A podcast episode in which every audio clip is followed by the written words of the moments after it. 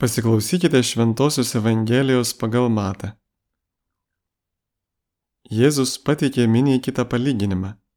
Su dangaus karalyste yra kaip su žmogumi, kuris pasėjo savo dirboje gerą sėklą.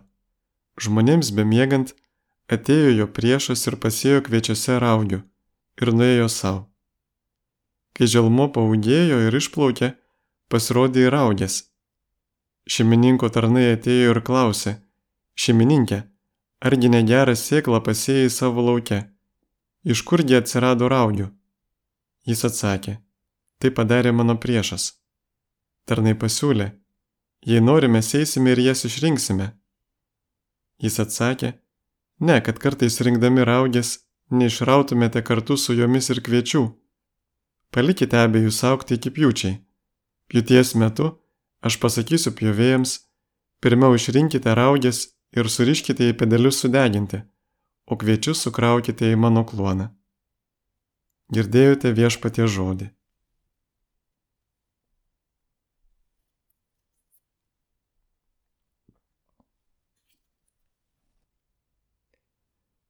Raugės yra šiek tiek nuodingas augalas, todėl juos reikia išrinkti ir jos panašios į kviečius ankstyvose augimo stadijose. Tik kai raugės pilnai užauga, jas lengva atskirti nuo kviečių. Ir čia mes galime pirmiausia prisiminti Jono Krikštitojo žodžius apie Jėzų. Jisai sakė, Jis krikštis jūs šventąją dvasę ir ugnimi, jo rankoje vėtyklė ir jis išvalys savo kluoną, kviečius surinks į klėtį, o pelus sudegins neužgesinama ugnimi. Iš Evangelijos pagal matą trečias skyrius. Biblijoje ugnis simbolizuoja keletą skirtingų dalykų yra nuodėmės ugnis pasinaudojanti aistrų ugnimi, yra Dievo teismas lygryjanti ugnis sudeginanti blogį. Pragaras taip pat vaizduojama kaip negestanti ugnis, amžina bausmė. Pats Dievas apsireiškia ugnyje, kaip mozijai degančiame ir nesudegančiame krūme. Šventoji dvasia, jos Dievo meilės simbolis taip pat yra ugnis, Ir yra taip pat ir nuskaistinimo išbandymų kančios ugnis, kuri išgrinina sielą, teisiųjų sielas lyg auksą leidykloje. Ja taip pat galime susijęti ir su skaistyklos ugnimi, kuri išgrinina sielas ir po mirties, kaip irgi dar didesnis Dievo gailestingumas. Šventasis kryžiaus Jonas dvasinį gyvenimą palygina su laužo degimu. Kai malkos pradeda degti, jos šnypščias praksi, skleidžia dūmus, ugnis joms svetima, bet ilgainiui malkos pavirsta žarijomis ir jos tampa panašios į ugnį, tarsi jie gauna ugnies prigimti. Taip ir su žmogaus siela, bendraudama su Dievu, ji turi tapti ugnimi, meilės ugnimi. Ir tas tapimo iš malkos žaryje kelias nėra lengvas, bet skausmingas nuskaistinimas. Ir beje mus nuskaitina ne kas kita kaip Dievo meilė. Dievo meilės ugnis. Ką reiškia Jėzaus pasakymas palikite abiejus aukti iki pjūčiai? Ar Jėzus toleruoja blogį? Tai reiškia neteiskite. Apaštalas Paulius laiško romiečiams antrame skyriuje rašo. Esi nepateisinamas, kad ir kas būtum žmogau, kuris mėgsti teisti kitus juk teisdamas kitą pasmerki save, nes ir pats tai darai už ką teisi.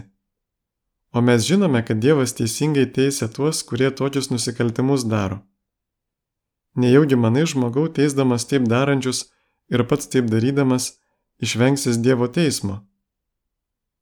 Kaip gidristi niekinti jo gerumo, pakantumo ir kantrumo lobius. Ar nesupranti, kad Dievo gerumas skatina tave atsiversti?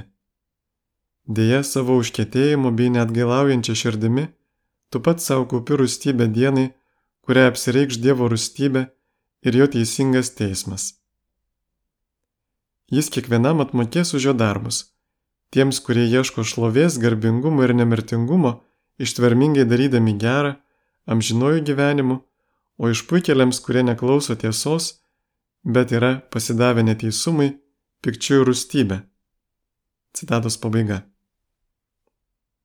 vis prisimenu pasakojimą, nežinau užgalvotą ar tikrą, kaip Leonardo da Vinci tapė paskutinę vakarienę.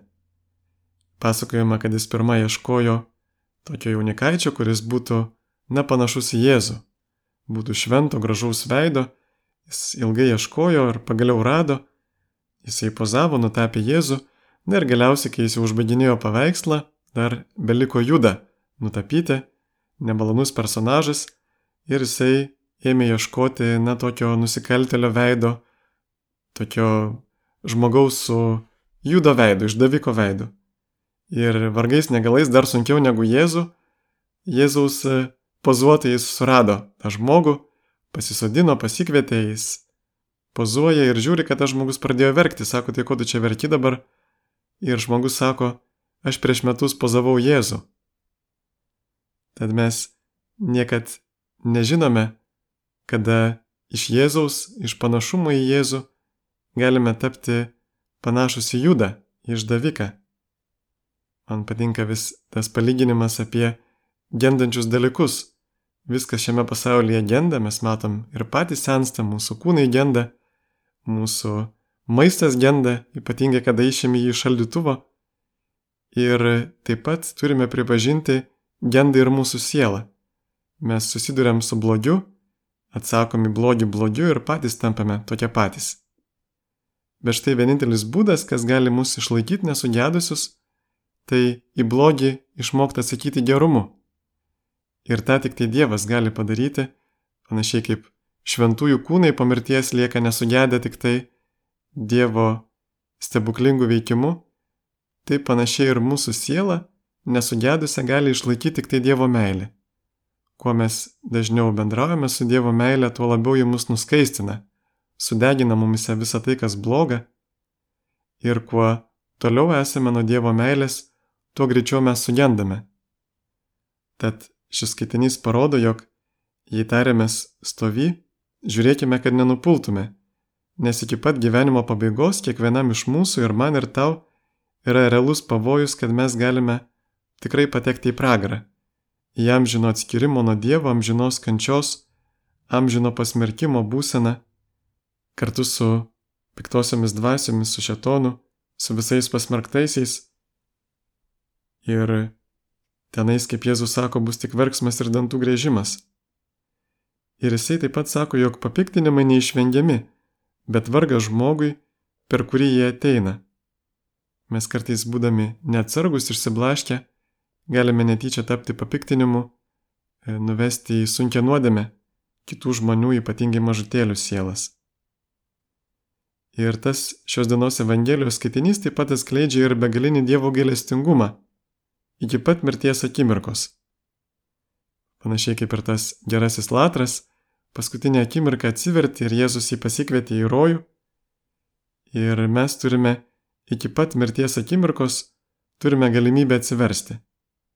Jėzus atskleidė šventai Faustinai, jos dienoraštyje parašyta, kad Dievas mirties akimirka kiekvienai sielai leidžia pažinti, jog jis yra ir leidžia jai pasirinkti, ar jai būti su juo, ar būti amžinai atskirtai nuo jo pragare.